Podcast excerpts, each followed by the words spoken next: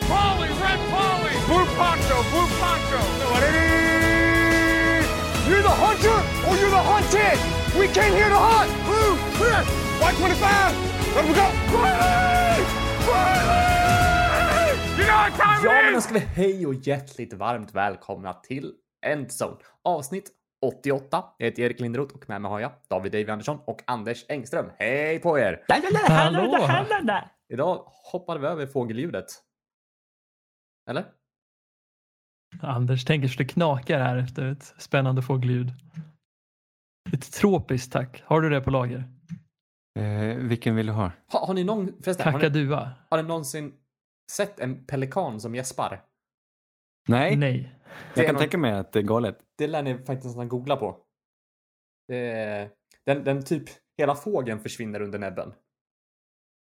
ah, just det. Jaha. Han böjer hela nacken va? Ja, exakt. Så att han, han, han, liksom, han blir nästan inverterad fågel. De får inte översträcka. Nej, men Då exakt. slukar han sig själv.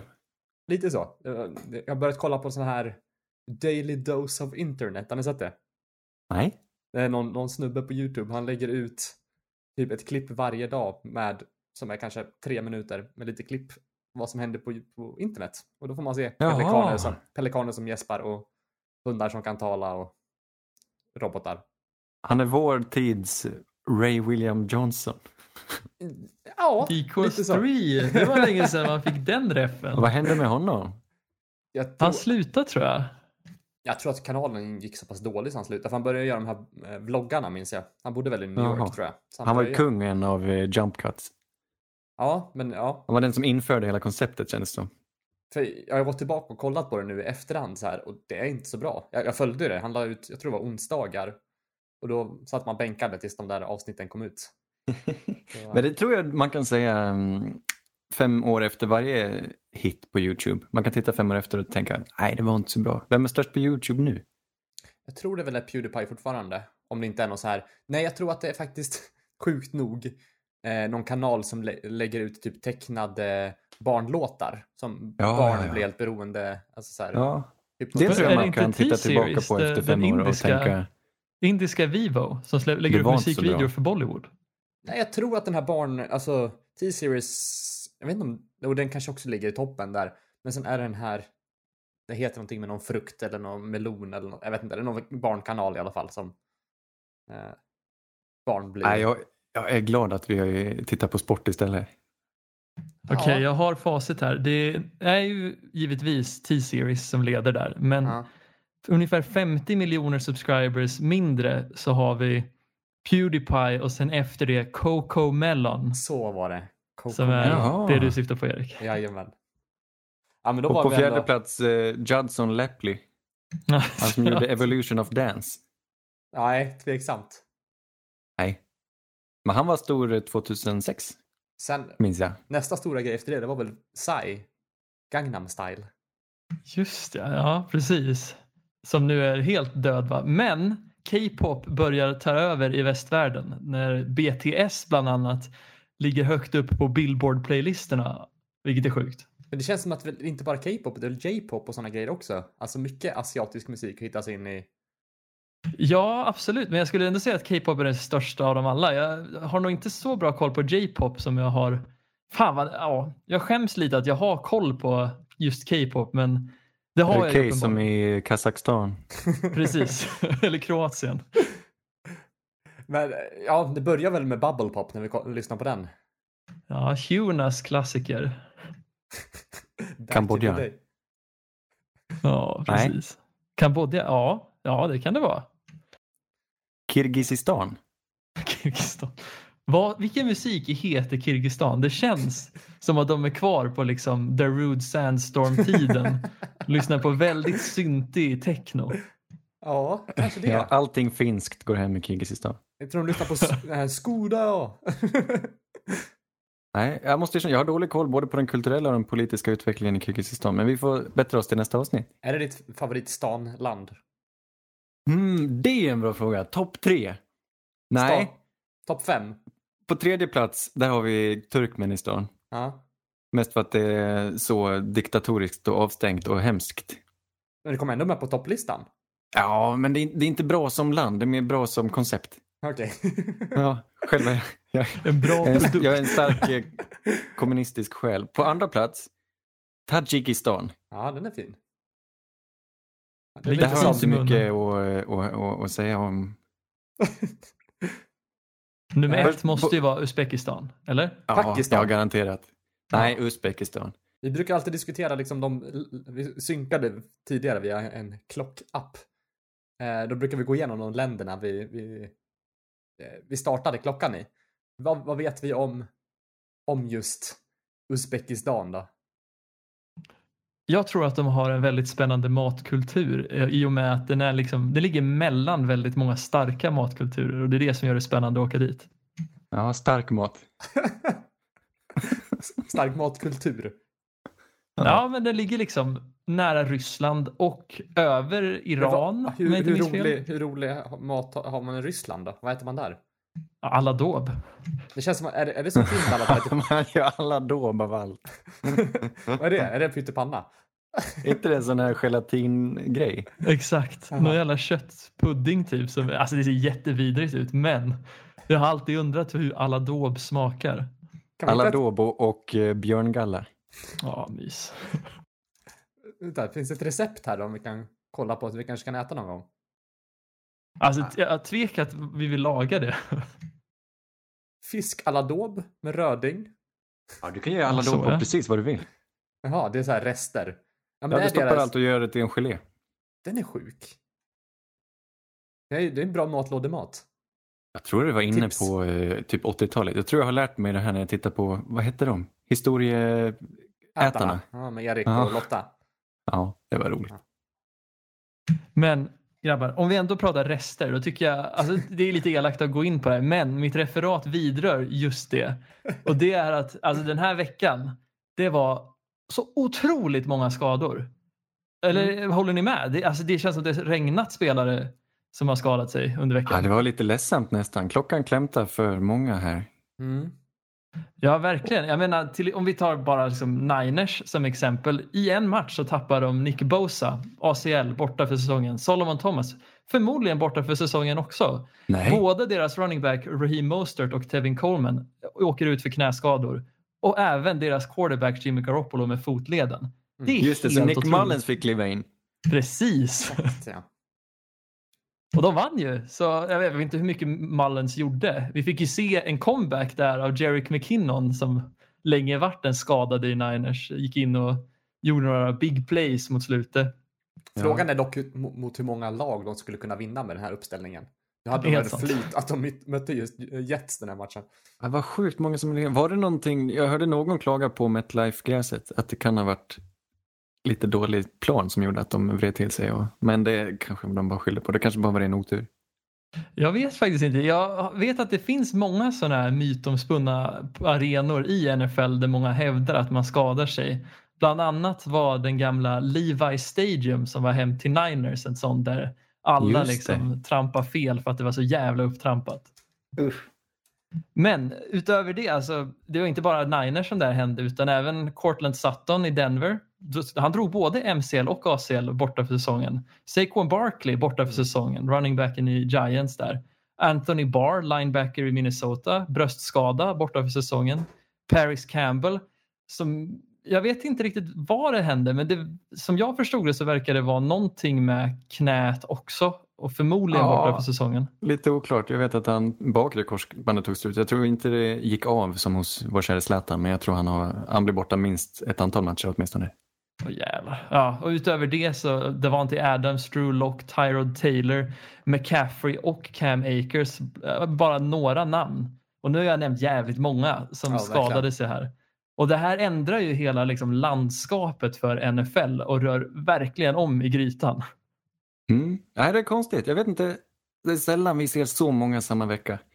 Men å andra sidan brukar det vara väldigt många som ryker redan under, under training camp som nu var kortare än vanligt och under de här preseason-matcherna som vi slapp helt. Så totalt sett är det kanske ungefär lika många skador som vi är vana men ovant att se så många på en gång. Verkligen. Och det, det, det ligger säkert någonting i det. Vanligtvis så händer det väl under tiden med preseason. Men ja, det är bara så jävla tråkigt att se för många av de här lagen liksom gick väl in med säsongen i, med stora förhoppningar. Inte minst Ja. liksom Vi ska För inte mig- säga att det är kört för Fort Niners än. Nog så tävlar de i en väldigt svår division, men det här, det, de vann ju fortfarande ganska övertygande. Ja, men precis. Men det är ändå liksom... Garoppolo ska väl vara, kunna vara tillbaka nästa vecka. Vad sa du? Garoppolo tror jag är tillbaka nästa vecka, är förhoppningen åtminstone. Det är ju väldigt betryggande, även om han är väl ett av de större frågetecknen på det anfallet. Men Ja. Åh, jag vet inte. Alltså, I Denver till exempel så har ju Cortland försvann, Judy skadade sig den här också, Philip Lindsay är redan borta Mm. och ja, det är bara kaos. Kan det här ha någon liksom sam, så här, ha någonting med att det inte har varit någon preseason matcher att göra?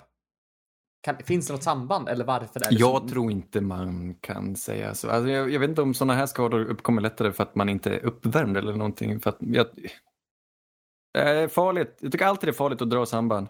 Och jag tror inte att det finns något. Men det Nej, men skulle, ju, Det är så skulle ju kunna finnas osannolikt något. att det är så pass mycket. Det kanske, men kanske, kanske alltid är så här mycket bara att det är stora namn den här gången. Jag vet inte. Jag Ja. skulle säga... Nej, osannolikt är det, men slumpen är ju sån. Ibland händer saker. Mm. Men alltså det jag tror skulle kunna vara en anledning är att just när covid drog igång, det var ju efter draften när många påbörjar sin, liksom, sin off-season workout program. Och jag tror att många kanske var lite osäkra på om säsongen verkligen skulle dra igång när vi pratar karantän och lockdown och liknande. Så jag tror många kanske bara inte har varit lika ihärdiga eller haft möjligheten att träna sig och hålla sig i tipptopp form. Dåliga förberedelser alltså. Ja, precis. Och jag tror det kanske, det, jag vet inte, vi kommer säkert se när de gör analyser på det här över om något år. Men det skulle kunna vara en möjlig förklaring. Mm. Jag tror inte de var mer eller mindre instabila i sina leder bara därför. Men det är klart, det går aldrig att veta. Och även om man gör en anal- analys så kommer du inte kunna dra någon slutsats av det. Nej, precis. Det är som Men det är helt enkelt. ja, om vi ska ta de här jävla skitnyheterna som, där blir liksom basen till vår aladåb. Och så ska vi göra någon fin smakrik rätt av det här. Och det är att det fanns några riktigt roliga ljuspunkter i den här veckan, även om den var en väldigt många, en väldigt stor skugga som hängde över med alla de här skadorna. Och det var, alltså från väldigt oväntade spelare fick vi helt otroliga quarterbackinsatser. Uh, Josh Allen, över 400 yards, fyra touchdowns i sin vinst mot Miami. Cam Mm-mm. Newton förlorade visserligen mot Seattle men drog på över 400 yards och tre touchdowns. Ja, Gardner. Minshew 350, tre touchdowns och Joe Burrow tre touchdowns på 340 yards. Det är helt stört. Mm. Ja, det är fint. Ja, det är fint. Det är fint att det är så ett bra quarterbackspel just nu. Jag tror vi kommer få se en liten tillbakagång generellt sett på anfallet. Jag upplever att det går väldigt många poäng just nu. Jag tänker att anfallet har en fördel mot försvaret just efter den här Mm. eh, in- inledningen vi har haft och de eh, svåra förberedelserna. Men jag utgår från att de försvaret till slut hittar rätt. Eh, Men det, man får ju njuta så länge det varar. Men något pos- annat positivt vi kan ta ut från, från skadorna, det är ju att fler spelare får chansen. Att det blir kanske lite mer oväntade spelare som kliver fram. Och nu var det ju kanske, ja, quarterbacks är väl ish oväntade, men jag tänker andra positioner som kan kliva fram nu också. Så det är Ja, ja det, precis. Den enes bröd, den, den enes k- knäcke... Hallå? Vet ni vad jag vill prata om? Berätta! Andra års spelare. Förra veckan drog vi topp 5 rookie-prestationer. Idag kör jag en snabb topp 5 här med folk som har tagit ett extra stort kliv under sitt andra år. Det är alltså inte vilka som gjorde den bästa helgen utan de som har presterat bättre i år än vad de gjorde förra året. Spännande va? Mm. Alltså sett på två matcher nu då. Sett på två matcher. Folk som jag tror vi kommer prata mer om det här året än, vi, än eh, vad vi var beredda på. Om Eh, man, nej, kör. Ja, femte plats. Han gjorde det här. Han kom med femma för att han spelade bra förra året också. Men Elton Jenkins i Green Bay Packers. Han är guard, men i första matchen var de lite, då visste de inte riktigt hur de skulle göra på right tackle. Så han klev ut och spelade right tackle och stängde ner Minnesota helt. De draftade honom förra året från, jag tror det var Mississippi State. Och han är helt fantastisk. Han är en framtida pro bowler. Han är grym som guard, grym som han var ju en center i, i, i draften, liksom. han kunde till och med spela tackle. Hur kul är det inte att ha en sån här bjässe? Green Bays offensiva linje ser jättebra ut. Jag minns väldigt väl att han var väldigt svår att ta sig förbi och gå på en sack på quarterbacken förra säsongen och många Green Bay-fans var väldigt rabiata över att han förtjänade att bli, om inte typ offensive player of the year, men kanske pro bowl och all pro. Ja, nej men han är brutal. Håll ögonen på honom. Eh, Delad tredje plats kör vi här. Mm. Noah Fant och TJ Hawkinson. Jag tycker det är roligt. Vi förväntade oss ett kliv av dem inför andra säsongen och de levererar bägge två. Framförallt Noah Fant kanske, men det är två tight ends. Båda från Iowa Hawkeyes och båda gick i första rundan förra året. Jag tycker båda har fått glänsa lite. Noah Fant tog ju över. Han var ju, var inte Broncos nära att ta sig förbi Steelers där? Mycket tack vare Noah Fant. Ja, precis, det var många långbollar på Fant som gjorde att de tog ikapp där. Och jag tror även om liksom Fant i nuläget kanske är lite bättre så har han nog en lite klarare roll för det Fant är bra på, vilket är just de här i passningsspelet på långbollarna. Det gör han jävligt bra medan han är lite mer oklar på de andra positionerna. Jag ser Hockenson kanske inte är lika flashig men han är ett mer klart paket. Jag vet inte, vad tycker du Erik? Nej, vi kollar ju lite ihop här i, i helgen. Eh, och framförallt kollar vi väl en, lite mer på, på, på Fant när vi kollar ihop. Eh, och jag gillar verkligen hur han, han såg ut eh, den här veckan.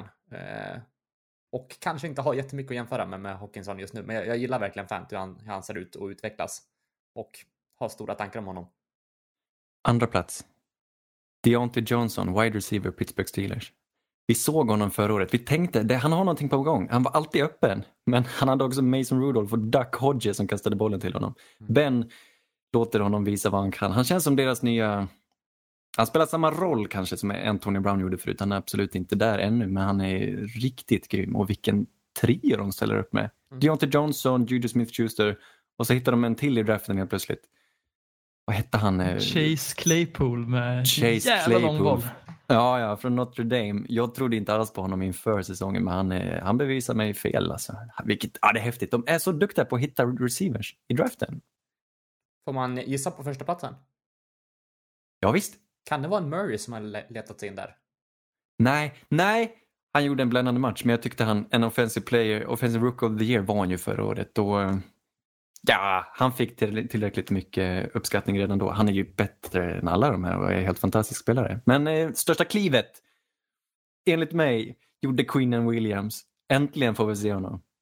Defensive tackle från Alabama Crimson Tide. Helt osynlig förra året. Togs väl plats nummer tre från, av New York Jets i förra draften. Ingen visste vad som hände. Under off-season så var han involverad i någon pistolaccident eller någon, det var något på någon flygplats. Jag var rädd att han hade sjabblat bort alltihop. Men det glömde vi och nu syns han äntligen. Han Just det, hade- han, han se. borda med en pistol, eller hur var det? Ja. Han hade glömt den i väskan, var det inte så? Dumt. Men i matchen mot San Francisco hade han två sacks, han hade två tackles för loss, han hade också en forced fumble. Äntligen får han explodera. Ja, det är så roligt. Jag vet att han var lite undersized liksom, inför sin första säsong. Det var någonting som många scouts sa. Att, liksom, han var nog lite för liten just viktmässigt första året. Och nu att liksom, få en off-season och kunna lägga på sig lite mer muskler. Det har nog bara gjort han gott. Det var allt för mig. Erik? Yes, vi ska hoppa in och lite, prata lite matcher nu som har spelats. Eller det har vi redan gjort, men vi ska djupdyka i några matcher. Och Anders, jag tänker att vi ska börja med Titans Jaguars och prata lite om den. Eh, det såg ju ut från början att vara en ganska komfortabel seger av, av Titans. Eh, trots att Henry, som man ändå förväntade sig ganska mycket av, inte gjorde någon jättestor prestation. Eh, men i slutet av matchen hände det någonting. Vi fick nästan se lite Minshew Magic. Hatar begreppet, men jag väljer att säga det ändå. Eh, väldigt nära att, att eh, Jaguars ska om, gå om här och ta en ledning, men de går upp till 30-30 i alla fall. Eh, Titans sätter ett eh, field goal i slutet på, på matchen och sen blir det en, en eh, interception och en jätteprestation av Harold Landry där i slutet. Ja. men vad, vad vill vi säga om det här tänkte jag säga. Men kan vi prata lite om Minshew? Eh, vad, vad tror du om honom? Är, är han framtida liksom? Davy vet jag håller- på att få ändra sin uppfattning och börjar bli lite kär där. Men din, din, din kärlek blomstrar eller? Ja, för mig var det kärlek vid första ögonkastet. Jag ska inte kröna honom till någon konung men jag tror han har svårt, han verkar ha svårt att, att förlora. Eller han förlorar i matcherna, men han kommer tillbaka. Han är van att spela bakifrån eftersom laget runt honom är inte så bra. Men han, är ju, han har ju det där. Mm. Han har inte armen, men det han har är dels en fantastisk känsla i fickan. Han är bra på att hantera tryck när det kommer till han, till skillnad från vissa andra, typ Sam Darnold och vad det finns för folk. Han är, antingen så flyr han eller så han tar sällan dumma beslut. Plus att han är väldigt pricksäker, vilket är det viktigaste. Det har han inte. Han har en liten nudel kanske i arm och jag vet inte hur högt hans tak är, men han är ju en stark ledare, en kul personlighet, en, han gör väldigt få misstag. Jag tror Karismatisk karismatisk är han. Det är svårt att misslyckas med Gardner. Och jag vill inte liksom höja honom till skyarna någonstans. Men jag är bara så imponerad att han kan kliva in. Kom ihåg att han togs i runda sex. Som, Vad är det Tom som Brady. gör att, att Jags var så nära på att vända den här matchen?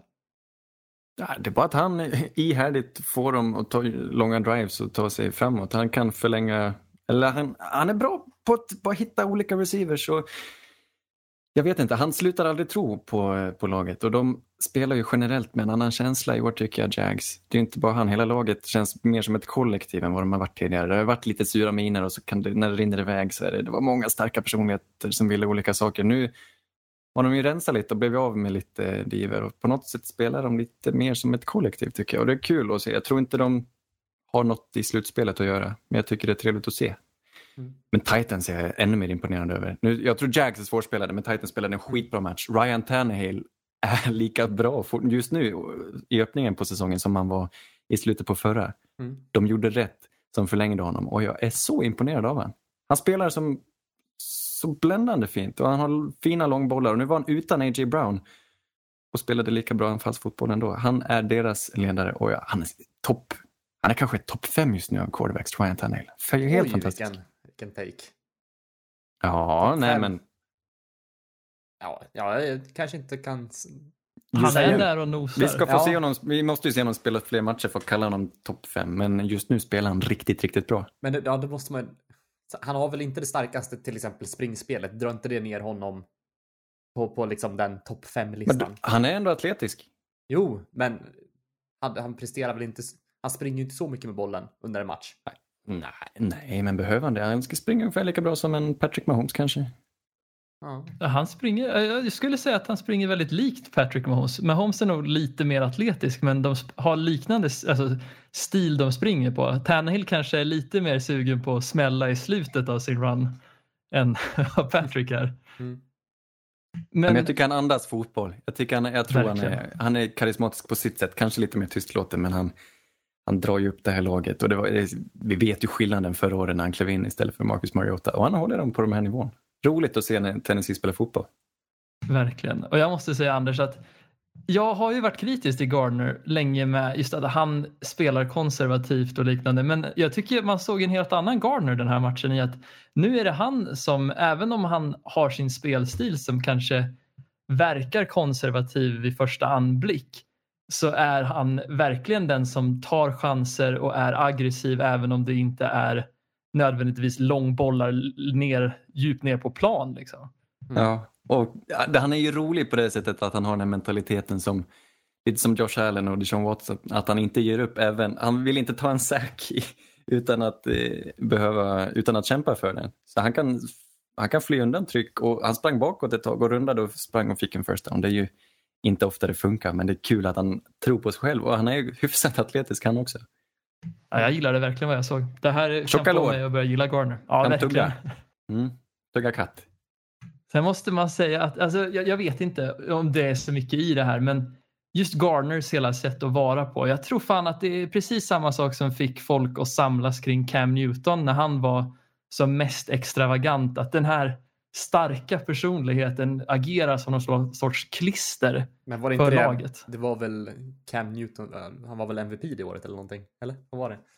Ja, precis. Han blev ju MVP året eh, Då, ett då, år. det året du tänker på antar jag. Och det var väl för för att han var den bästa quarterbacken i ligan just då. Ja men han drog ju upp sina kamrater.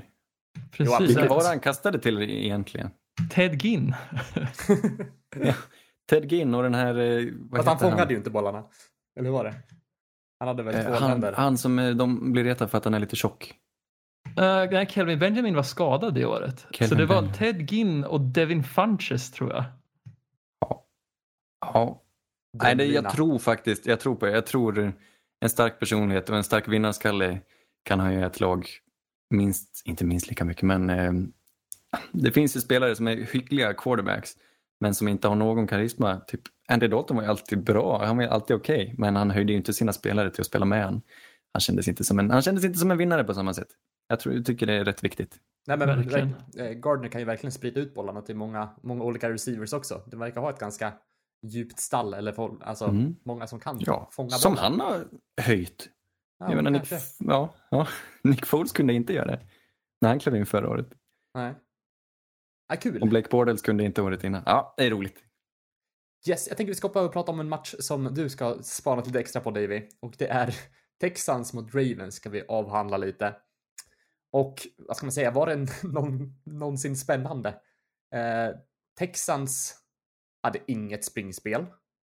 Eh, och vad ska man säga mer? V har du något recept för att stoppa Ravens?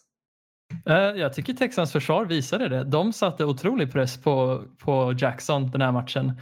Och JJ Watt bland annat var ett riktigt monster.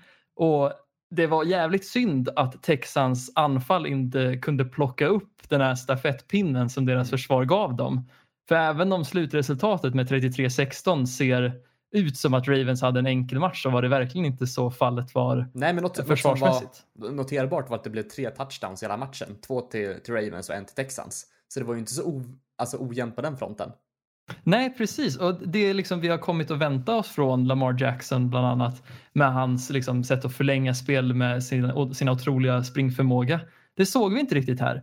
Istället så såg vi ett, en mer balanserad Jackson som fick ta det försvaret gav han och vi såg inte så mycket liksom, prestation från det beryktade springspelet heller. Det, kanske nu på slutet så rann det till extra mycket men inför det här så var det jävligt jämnt. De har inte riktigt hittat tillbaka. Jag undrar om Marshall Yanda lämnade ett ganska stort hål. Jag vet inte vem de ersätter honom med, men han var ju en riktigt duktig guard, kanske Hall of Fame-kaliber till och med. Och tackade för sig efter förra säsongen. Och riktigt har de ju inte kommit igång efter det. Nej, precis. Jag undrar om det är deras rookie Tyre Phillips som fick uh, ta, ta, ta över där. Och han har lite problem fortfarande, det, det, vilket jag förväntar. Han är inte en av de mest beryktade rookiesarna då, som har kommit ut. Mm. Men frågan är om det finns något recept, det var ju din fråga Erik, om det finns något recept att slå dem och det, det, det vet jag inte. Något tydligt recept tror jag inte finns för Lamar Jackson är så bra att han, han går liksom inte att stoppa. Nej, han, är lite, han påminner om Pat Mahomes på det sättet att han är bra på allt. Nu är de bra på olika saker eh, i, rent spetsmässigt. Men Lamar Jackson, han har ju kylan också och han har pricksäkerheten. Han är sjuk är han. Och det får vi se lite nästa vecka. Då är det väl kamp mellan de två? Ja visst är det ja. det. är redan Ravens Chiefs. Och det ska bli så roligt. Aj, Vad är det för eh, era vi kliver in i? Ja, det är fantastiskt. Med Holmes och Jackson. Ja. Kan, kan, vi återvända lite till, till Texans kanske springspel? Är, är det tunt? Alltså de har väl David Johnson där, men äh, var det... Är det Ravens liksom som håller tillbaka dem eller är det, är det för tunt på, på running back positionen? För jag, jag, jag, var ju ganska låg på David Johnson inför säsongen. Eh, när han kliver in där. Vad säger du David? Alltså jag är ganska låg på honom också, i alla fall på sättet han används i Texans. Det här är en kille som trots, alltså vart han än går verkar alltid bli liksom shoehornad in att vara någon sorts liksom back som ska springa hela tiden. Jag ser han mer som en specialist i passaspekten. Mm. Och, han fick ju 11 carries, alltså det, det, det, var inget, de försökte ju knappt på liksom på springspelet kändes det som. Nej, precis. Hamnade de inte under ganska tidigt ändå? Alltså i halvtid så stod det 2010. Ja, ja. Så det, det var ju liksom inte någon, några stora siffror. Nej, Texans har inte tagit något stort kliv framåt, snarare ett litet tillbaka kanske nu. Det är dumt att överanalysera dem efter att ha mött först Chiefs mm. och sen Ravens. jag vet inte vilka de får nästa vecka men eh, det är ju de är inte, de är lite, man önskar att de kunde tävla, de ska ju ändå kunna tävla. Förra året slog de ju Chiefs. Mm, och precis. Deshaun Watson har fått betalt, men han är ju fortfarande, han har ju sina bekymmer, han håller i bollen lite för länge. Och så saknar de DeAndre Hopkins, det underlättar ju inte heller. Nej, dock om man ska se en liten ljusglimt i det här så är det ju också att Brandon Cooks Mm. Jag börjar se vilken roll han kommer få i det här anfallet och han tog ett ordentligt kliv framåt jämfört med förra veckan här. Eh, fem receptions på 95 yards och han var helt klart den bästa receivern Mm. i Houston.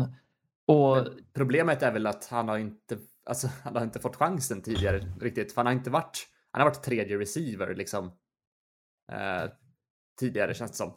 Ja, precis. Och han var ju till och med fjärde receiver på depth charten inför säsongen bakom Mm. bland annat Randall Cobb. Och jag tycker bara det pekar på vilken idiot Bill O'Brien är. Och deras nummer ett receiver, Will Fuller, här är ju helt fucking osynlig. För om vi går tillbaka till, till Saints-tiden när han spelade där. Då stod det ju faktiskt lite mellan honom och Michael Thomas. Eh, det var de två, två vi hade som, som vapen just då. Eh, och jag tyckte inte det var självklart att, att släppa honom. Nej, men han blir bortjagad lite vart han än hamnar. Mm. I Saints så lät det efteråt, jag vet inte hur det var då, men det lät efteråt som att han krävde en större roll än vad han fick. Ja, han- jag vet inte om han har hamnat ner på jorden lite eller om han alltid har varit hyfsat ödmjuk. Men nu blev han bortjagad från Rams också. Mm. Hamnar i Texans. Jag, jag, jag gillar ändå bredden de skaffade sig. De blev av med Hopkins men de tog ändå in eh, hyfsade ersättare. Och Will Fuller den här matchen drog väl baksida lår. Jag tror han inte spelade så många snaps men han hade väl inte en enda fångst. Han är som vanligt, han, är, han skadar sig. Han hade en carry för noll yards. Ja. ja. Nej, det är svårt. Jag har svårt att se dem lyckas särskilt mycket i år och jag tror svagaste länken hos dem, offensiva linjen spelar hyggligt. Den är inte lika brutalt dålig som den har varit tidigare men deras secondary vet jag inte. Jag tror de, de kommer läcka. Mm. Ska vi hoppa vidare eller har något mer att säga om, om Ravens? Eller? Kör Nej. på. Då kör vi. Då ska vi prata lite Cardinals mot Washington som har spelat. Eh, jag vet inte, jag, jag kommer snabbt in och, liksom på, på quarterback-sidan, för jag tycker det är intressant. Eh, just Haskins här. Eh, har han en framtid i ligan? Det är bara en fråga, jag slänger ut lite snabbt här. Men sen ska vi eh, avhandla lite annat också. Eh, din favorit Anders, Scary Terry fick kliva fram den här matchen. Gjorde det bra.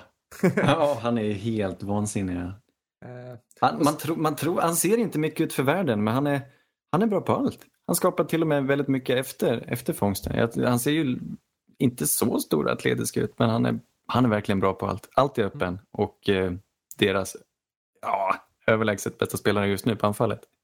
Mm. Eh, vad ska jag mer säga? Ja, eh, Cardinals. Om vi går över till dem lite snabbt. Jag vet inte hur mycket vi har att säga om Washington. Det, det är lite ett... Lite, Nej, det vi har att säga om Washington är väl att det, den ju, de vann ju sin första match och försvaret såg ostoppbart ut men de Cardinals tog ner dem på backen igen och deras, de släpper till alldeles för mycket i deras secondary som ändå ska vara hyggligt men, Mm. men det funkar liksom inte. Först då hände direkt, jag vet inte om de var skrämda men de gav bort en touchdown till DeAndre Hopkins som inte ens blev täckt. Jag tycker Mm. Landon Collins uppenbarligen var lite överskattad signing. Han har inte alls, inte alls synts till som han gjorde i Giants har han inte varit i Redskins. Eller i, förlåt, i, i fotboll team. Förlåt. sen är det ju extremt svårt med, med just eh, Cardinals just nu med deras extremt starka wide receiver-rum. Ja, Eh, ja det, det börjar ju se riktigt roligt ut. Det, här. Ja, det kan gå riktigt långt. Ja men exakt, det jag tänkte kolla lite också. Hur långt, hur långt kan de gå? Eh, dock, ett av deras största problem den här matchen, det var ju alla penalties de drog på sig också. Eh, Ja, men alltså ja.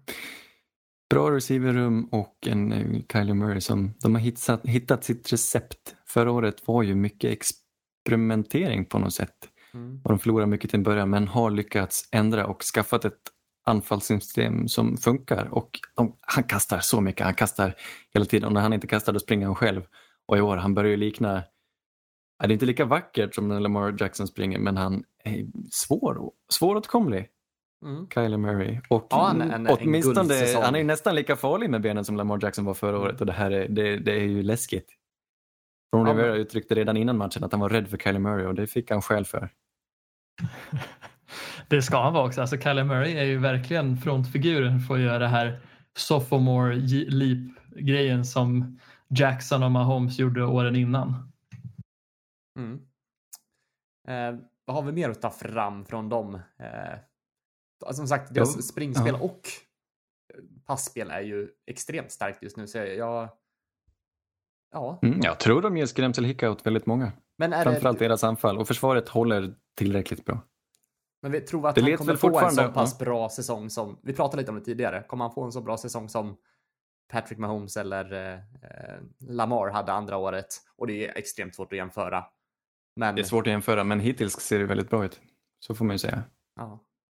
Eh, vad tycker jag, jag, vad heter det? Jag tänkte på deras försvar. Jag skulle analysera lite, men jag blev inte mycket klokare på det. De leds ju fortfarande av Vance Joseph, eh, tidigare coach i, i Denver, va? Precis.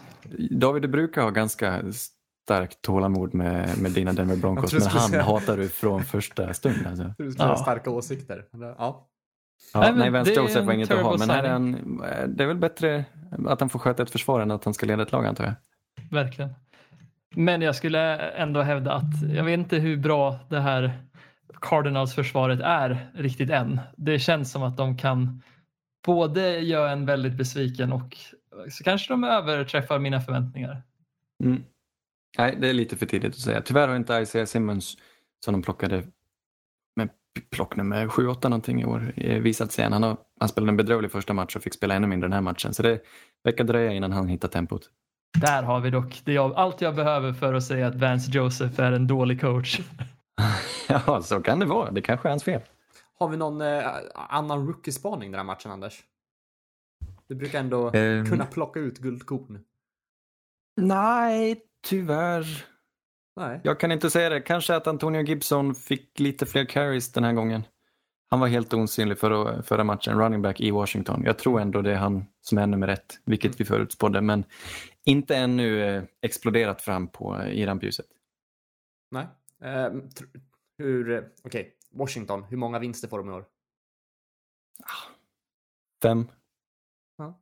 Det är helt okej. Ja, nej men det är, ju, det är ju varken, man hade väl hoppats på lite mer, men jag tror Ron Rivera är bra för det här laget. Dwayne Haskins vet jag inte vad de ska göra med, men ehm, det, det, de, har, de har inte vinnarkulturen än, de har lite att jobba med. Men jag hoppas Ron Rivera kan tagga till det här försvaret och sluta göra misstag. Vad, eh, vad behöver de? Receivers. Ah, lite nya spelare ja. Mm, de behöver tänka lite mer långsiktigt. I år är ju inte, jag vet inte, de har ju alltid under Snyder tänkt att det här är året och aldrig vågat riktigt som man ser vissa lag göra, bygga om. Och här är de i en situation där jag kan tycka att de borde bygga om. Men jag vet inte om Dwayne Haskins är en solklar pjäs att bygga kring. Så det, det är lite av ett dilemma, lite av en limbo-situation och jag har inget bra recept. Men jag tror de kan, när de hamnar i lite godare anseende hos resten av ligan med namnbytet och sådär och kanske få lite fler fans så kanske det kan hjälpa. Och ny coach och sådär. Så bara lycka, om de lyckas tvinga ett- ägaren att sälja laget så kanske någonting bättre kan hända. Men så länge Snyder är vid rodret så är det här en tve, tveksam organisation ju. Men det det känns går inte att säga något annat. Det känns lite som ett nytt lag, bara att de bytte namn och lite så här. Det, det, de, Jaha. känns, de känns fräschare. Men det är också lite, lite billigt hur de, de har fortfarande stora problem. Det blev Jo, ju en absolut. grej, hur- det blev väl en artikel i Washington Post va, i hur illa de har be- behandlat alla kvinnliga anställda i den här organisationen. Men det tystades ner ganska effektivt det också. Och eh, de har lite grejer att beta av innan vi kan börja hoppas på dem tror jag. Är det ligans ofräschaste lag? Ja, de- har ju varit väldigt länge, det är svårt att ta med. sig ur den. Men de är nog fortfarande, trots namnbytet, ofräschaste laget. Vilka, vilka tävlar de mot, Davy? Jag skulle kunna säga att Dallas Cowboys är där uppe och jobbar också. Jag undrar Men de inte kanske har Jacksonville lite för mycket spotlight på sig. Jacksonville? Ja. Ja, Det är synd för jag tycker Shad Khan känns som en helt reko ägare alltså. Men ja, hela organisationen där känns murky. han verkar inte lägga sig i tillräckligt mycket. Han kanske har checkat ut. Det kanske är det. Ja, jag vet inte. Jag- Vi tycker ju att han skulle ha sparkat de här tränarna för länge sedan. Men han, eh, jag vet inte. Det han gjorde var ju att han la in ett ord. Jag tror i, under spelarmötena inför förra årets draft att Chad Khan var en av, som älskade Gardner Minshew innan draften och kanske hade ett eh, ord med i spelet att faktiskt ta honom. Och eh, det fick han ju rätt i. Ja, Vilket lag är det han har? Visst har han något fotbollslag i, i England? Ja, det har jag. Och Är jag det minns Tottenham? inte på rak. Nej, Ja, nej, ingen aning. Nej jag vet inte tyvärr. Men det är något sånt där. Ja. Ja, Men är det inte sjukt då att han lät David Caldwell och Doug Marone spränga ett helt, en helt okej talangbas ändå i och säga att de ska bygga om och sen märker de att liksom, den de trodde på hela tiden med Gardner, han är ju det han har utgett sig för att vara. Alltså om inte de här två personerna får kicken innan Thanksgiving så skulle jag se det som ett stort misslyckande för den organisationen. Mm. Ja, han äger förresten Fulham ska jag säga. Eh, okej. Jag ska dock Inte det samma lag? Eller? Nej. vara lite bleed inför Doug Marone och vad heter han defensiv... Ja, alltid, jag var, tyckte aldrig om han försvarskillen heller, defensiva koordinator. Men nu har de ändå, de, det går åt rätt håll. De ger ju sina spelare förutsättningarna på ett annat sätt och vem vet? Vem vet, det kanske är någonting ändå. Sannerligen underbart. Vi hoppar vidare så ska vi köra tre matcher till. Eh, Davy, jag tänkte vi skulle prata lite om, väldigt lite, nej men om, om eh, Colts mot Vikings. Colts vinner med 28-11. Eh, Vikings ser ju extremt svajigt ut. Eh, verkar inte kunna göra poäng. Eh, de gjorde väl, nu ska vi se, ja de gjorde ett field goal på de första 50 minuterna. Det är bara ett liksom så här, Mm. hur, hur dåliga de är på, på att skapa framåt. Så fick de en touchdown i, i mer eller mindre garbage time då. Men eh, Colts fortsätter ju imponera. Jag var ganska, ganska låg på dem inför, inför säsongen med quarterback-byte och hela kören. Men eh, Jonathan Taylor, alltså har vi en offensive rook of the year här kanske? Och kan du berätta för mig vem Mo Alley Cox är? Mo Ali Cox. Den oväntade nummer ett receivern i Indianapolis. En tight end som inte har spelat en minut amerikansk fotboll mellan sin första år, eller vad det, andra året i high school tills att han blev signad av Indianapolis efter college. Vilket år var det? Var det förra året de signade honom? Eller har han varit- 2017. Han har varit där i tre år ja. Ja, så har de matat honom med maj så nu. Nej, men jag blir blev så förvånad. Jag så här, såg att han hade gjort en toppenmatch. Eh, gick in på Wikipedia-sidan. Ser, jaha, han har en basketbild på sig själv. Han, alltså, är det ens rätt person? Har de skrivit fel på, på NFLs hemsida? Men han har ju spelat basket i hela sin college-karriär helt enkelt. Ja, han har följt eh, Antonio Gates-tracken liksom med att spela basket och sen hamnar man som tight end i NFL. Har inte Jimmy Graham gått den vägen också? Han, han gick ju och smög där lite förra året bakom Ebron och Jack Doyle. Jack Doyle är kvar, Ebron har lämnat dem. De avskydde Ebron förresten i Colts. Han är tydligen rätt oskön. Men Mo Alley Cox får kliva fram och ta det han har lärt sig och det är fint. Det är fint. Det är väldigt kul att se. Om man ska prata Jonathan Taylor förresten så jag vet inte vad det är. Jag tycker Jonathan Taylor, alltså om man tittar över en hel match så tycker jag han är typ en, det jag skulle säga är en bra running back i att han är inte flashig men du kan mata han och han är ganska konsekvent. Han kommer inte vara, eller han verkar inte vara någon sorts dunder talang i stil med Ezekiel Elliott eller liknande men han är Alltså han är verkligen det, det gyllene snittet skulle jag säga. Han är liksom precis det du behöver men inte mer. Okej. Ja. Mm. Han är, ja, men jag håller med dig. Jag tror vem som helst hade kunnat få 100 yards bakom den här eh, offensiva linjen. Ju. Det är ju, det är ju verkligen så. Vi hade ju diskussionen innan och nu blev det Jonathan Taylor mycket tack vare att Marlon Mack också skadade sig. Men jag kan se det antingen så blir han mycket bättre eller så spelar han i fyra år så draftar de en ny. För jag menar, ja, ja, jag vet, offensiv rookie of the year, han har ju absolut chansen då om man kan springa väldigt många yards. Men Mm. eh, han är inte elektrisk på det sättet som vissa andra. Han är inte elektrisk som Clyde edwards hilaire har varit hittills. Nej. Men om man får så pass mycket snaps, då har man ju mycket urval att kolla på. Som, det känns som att Ja, är man liksom skadad och missar någon match, då har man inte lika mycket urval att kolla på. Och då har man inte chans att vinna. Men spelar man mycket då, för varje snap så Precis. ökar ju chansen. Ja. ja, jag tycker det är roligt att när de faktiskt låt, har en back som de låter spela hela matchen. Det är tråkigt, inte, det är väl smart att rotera men det är roligare med en kossa och han kommer ju mata så alla kommer älska honom som spelar fantasy fotboll. Mm. Ja, han är väl eh, rätt älskvärd på sitt sätt. Wisconsin, det är kul. Ja, precis. Och jag, jag tycker ändå att det sätter tonen lite för vad jag ser Indianapolis, Indianapolis Colts som i nuläget. De spelar inte den roligaste och flashigaste fotbollen. De, alltså missförstå mig inte, de spelar bra fotboll. Men när du tittar på Colts kommer du nog inte tycka att det är intressant hela matchen. Utan de, är, de spelar sitt lunk liksom. Och det Mm. vinner de matcher. Det är inget fel med det. Hur gick det för Rhodes Close då i sin eh, hämningsmatch? De signade Xavier Rhodes, cornerback, som gjorde en karriär i Minnesota men på slutet har fallit lite från trädet och nu fortfarande inte riktigt är på topp. Eller såg du någonting av honom? Jag har för mig att han gjorde en, en pass breakup och firade som en galning. för det var på en lång boll. Jag har för mig att det kanske var till Thielen till och med. Så att, Ja, Och det har han han ju behöver gjort ju under lite träningen. självförtroende kvar. ja, men precis. Han har ju också han har ju säkert gått mot Thielen så mycket när han spelade i, min, i Minnesota då, under träningarna. Så att få göra om det där och göra det på match och som hämnd mot laget som släppte han måste kännas fint. Men vi lär väl prata lite om Kirk kanske också. Ja, Kirk som har gått Ja, han ut gjorde med ingenting. att... Nej, han sög. Alltså det här var det värsta jag någonsin har sett. Kirk har gått ut med att säga att "Ja, men jag ska träna upp mig under off-season för att lära mig kasta utanför fickan när jag är i rörelse och gör lite off-script som att han är nya Patrick Mahomes. Det var han inte. Han Nej. var, eh, ja, jag vet inte. Jag tycker det här var en ri- riktigt stor skämskudde. 113, Minnesota. 113 yards, 0 touchdowns och 3 interceptions. Tre? Jajamän. Gött. Mm. 11 för 26 också i completions attempts. Det är så jävla dåligt.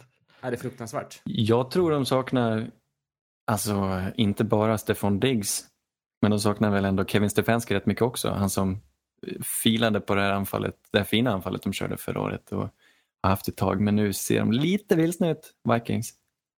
Ja, det trodde man Lite inte. besviken. Alla Det- såg ju Gary Kubiak som det här stora monstret i skuggan av Stefanski. Att det egentligen var han som var puppet master och styrde hela anfallet. Men efter de här två matcherna känns det ju mer som Mm, kanske var Stefanski ändå. Ja, men kanske. Och passningsspelet, jag gillar, ibland blir jag lite glad när en spelare har en stark personlighet som Stefan Diggs och kanske är lite dryg och lite jobbig och han fick inga targets så blev han arg och de, var, de tyckte det var skönt att han försvann. Uttryckte de ganska starkt. Och sen när det är ett sånt stort gapande hål efter honom så blir jag lite glad för talang vinner ju över eh, personlighet ofta. Och det, han hade talangen och han visade i Bills istället. Och jag tycker, nu hade de kanske inte råd att ha kvar honom men de ska inte vara glada att han är borta. Nej, verkligen inte. De saknar en riktig possession receiver som de kan Alltså som kan tävla i contested catches. Det har de inte Han är bra på allt. Han är bra på allt Stefan Diggs, han är en stjärna. Verkligen, men jag, jag vill ändå hävda att hans roll i Minnesota var att han verkligen glänste på när han hade folk över sig och folk i närheten och att han ändå kunde komma ner med den. Mm. Han har lite att jobba på där. Mm. Dalvin Cook fick väl en del carries, men det, det är väl tungt också när man är själv och gör någonting. Mm. Vi hoppar vidare och pratar om kanske en roligare match. Anders, Patriots mötte Seahawks. Matchen slutar 30-35 till Seahawks. Eh, vad ska man säga här också? Eh, Vilken match. ja, visst är det roligt att se Cam? Ja, ja det är jätteroligt. Vad, vad Åh, tror, du att, saknat. tror du att den här nya coachningen kan liksom ta honom till en helt ny nivå nu? Är det det som liksom har hänt?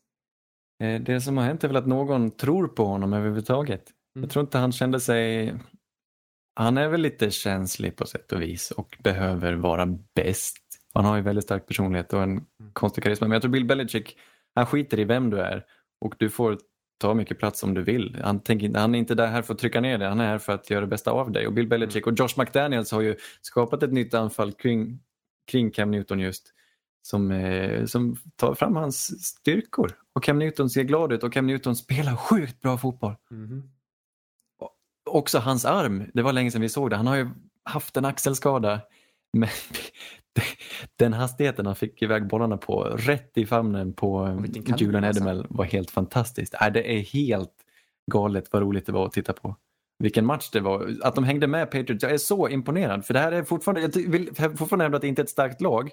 Och utöver Edelman har han inte så mycket att kasta till och hans offensiva linje är okej men den är inte superbra och jag är bara imponerad över att Patriots skulle hänga med på det sättet. Ja, men då var det till och med nära att vinna. Det var liksom sista pos- Ja. possession som av, liksom kunde avgöra det här. Men verkligen, och då är ju Seattle ändå en bra match också.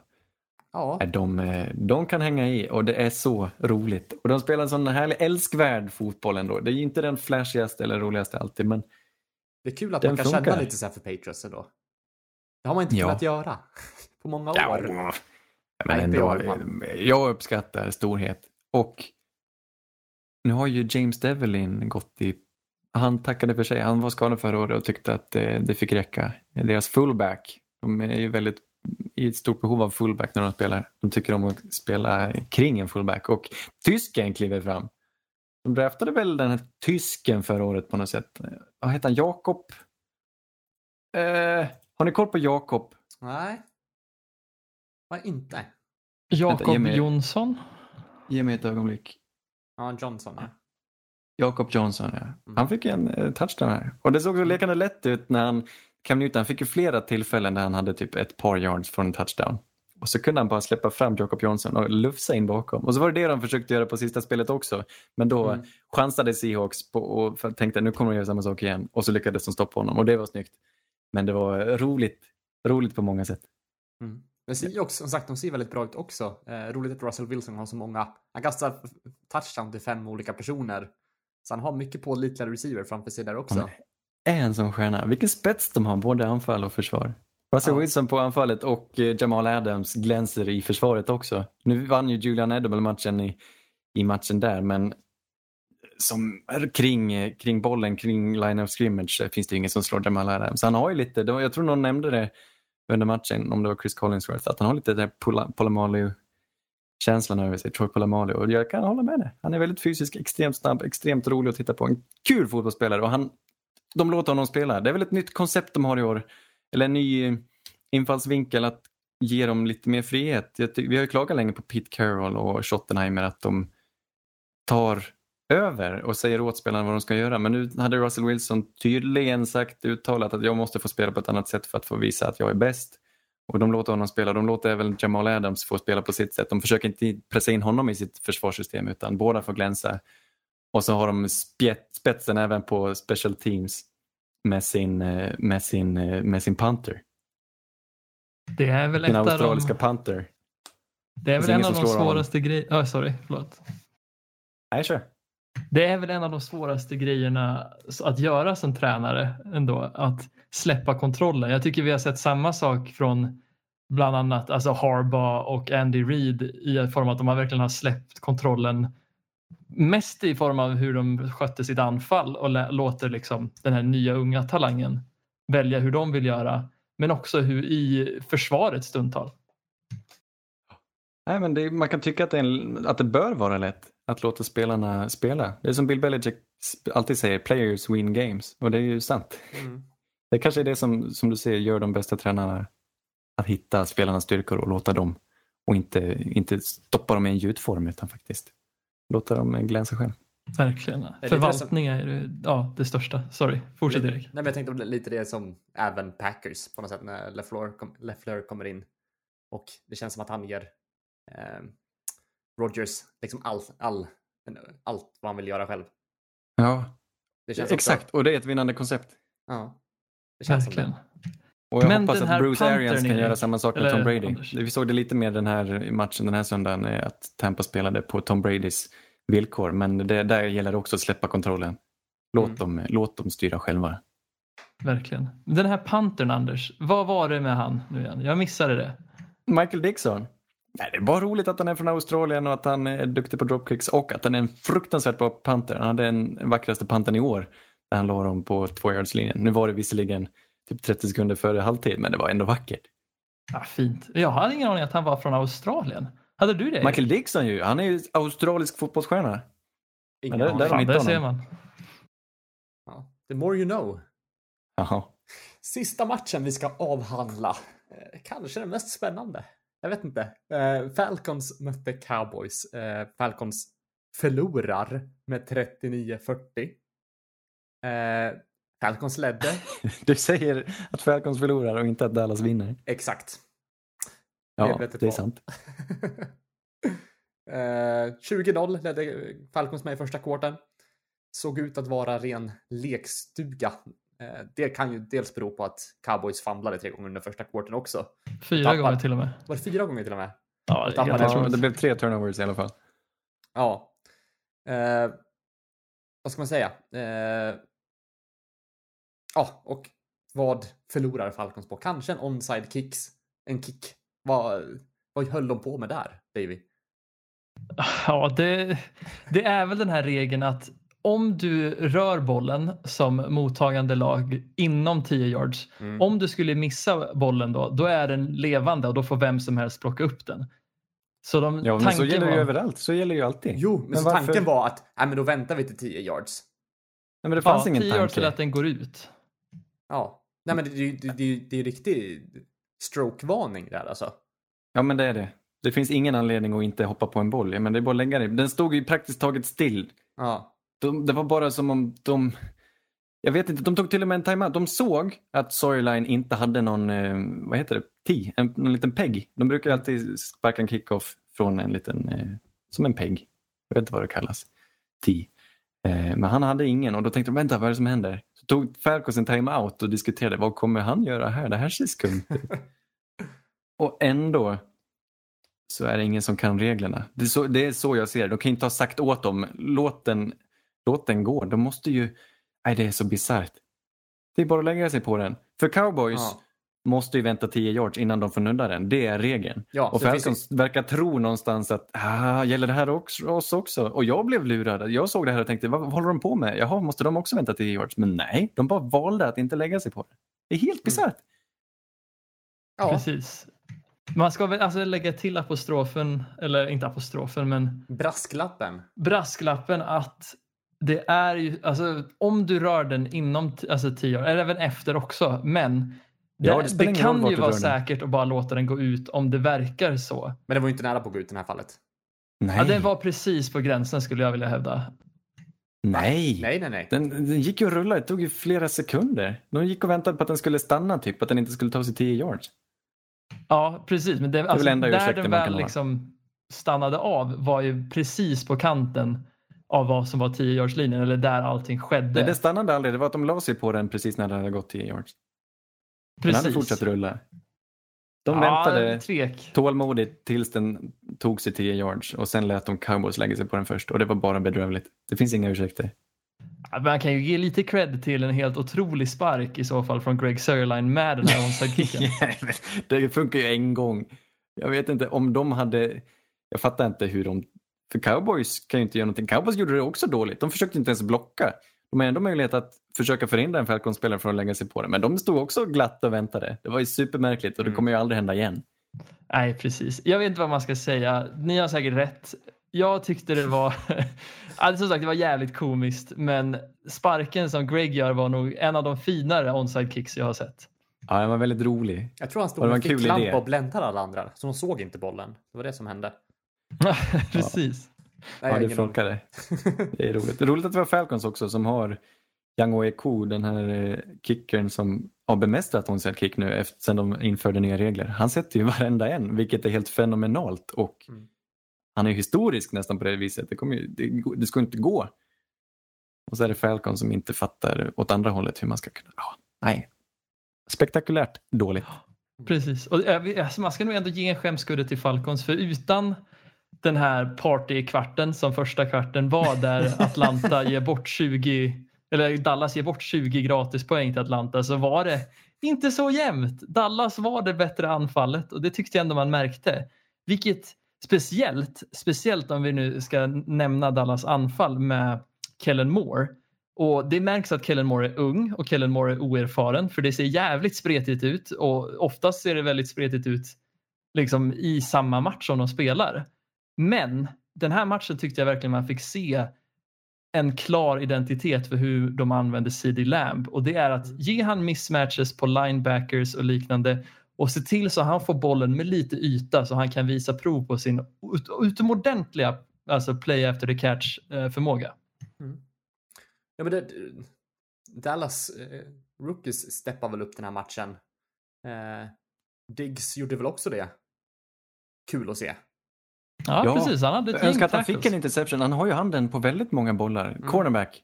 Ja, men eh, från, från Michigan? Nej, nu kommer jag inte ihåg. Men i alla fall, det. han borde ju få en liten interception till slut. Mm. Jag tror Trayvon var från Alabama. Så var det. Tack. Men det, det hänger lite i luften. I alla fall. Det gör det. Interception där. Ja, men han måste ju tycka illa om sig själv efter det där. Verkligen. Sen lär vi lyfta upp kanske Calvin Ridley i Falcons Ja, också. precis. Det var precis dit jag var på väg att gå. Ja. Alltså, det här är en, en ruttgud in the making. Om vi tyckte Dog Baldwin sprang Mm. fina rutter så Calvin Ridley han är på väg dit. Alltså. Han är otroligt fin i hur han spelar receiver. Ja, Ja, superkul att följa Påminner han lite om han eh, Jerry Judy också? Ja, verkligen. Verkligen rutt, ruttspringare och hitta ut där. Är det vackert? Nej, eh, sann stjärna. Han och Julio Jones. Julio Jones ska dock skämmas. Han missade en touchdown där. Mm. Russell Gage, tredje receivern. Han sylade iväg en boll precis på gammalt Mohamed Sanu ner som hamnade rätt i famnen på Julio, Julio Jones som missade den. Mm. Aj, Ja, det var, det var en touchdown synd. helt öppen. Nej, det var dumt. Russell Gage fick ju även fånga en touchdown den här matchen så han är ju mångfacetterad. Plåster på såren, det var ju skönt åtminstone för hans skull. Men tänk, det kan vara enda gången du har chansen i livet att få kasta en touchdown och så åh, gör ett perfekt kast men eh, receivern droppar. Det är inte roligt. Det kommer Verkligen. säkert, kan man kasta som receiver då får man göra det fler gånger tror jag. Ja, jag hoppas Precis. det. Vi, lite kul ändå. Eh, Falcons lät ju CD Lamb vara i draften och Cowboys plockade honom efteråt.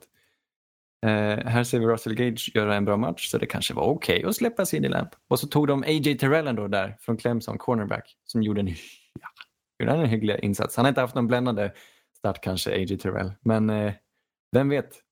Det kommer.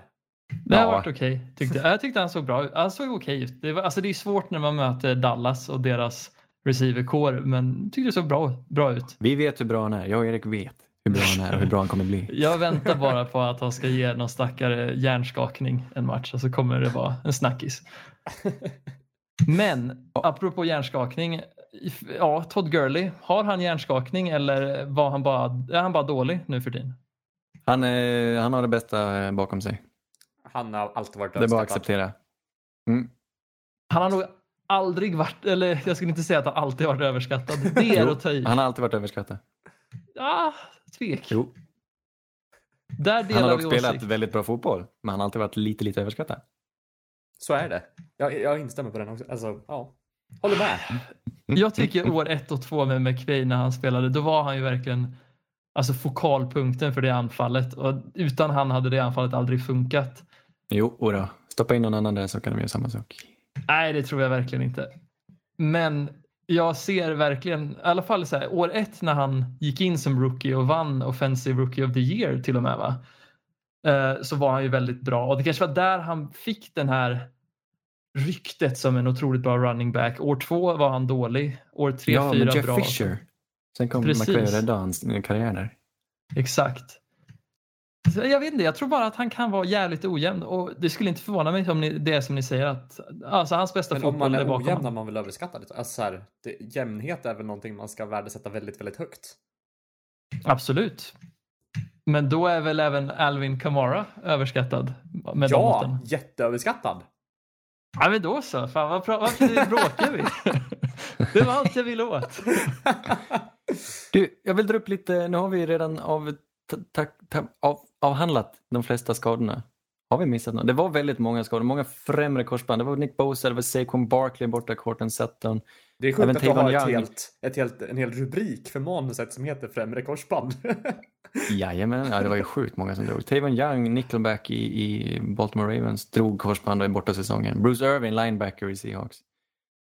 Eh, sen var det ett par hälsenor. Malik Hooker i Colts, deras väldigt duktiga free safety som har haft väldigt, väldiga skadebekymmer under hela sin karriär. Han är borta för säsongen, han drog hälsenan. Även CJ Usoma, tight end i Bengals, som hade en touchdown i matchen, Mm. missade resten av säsongen med en eh, rupturerad hälsena. Det är tråkigt.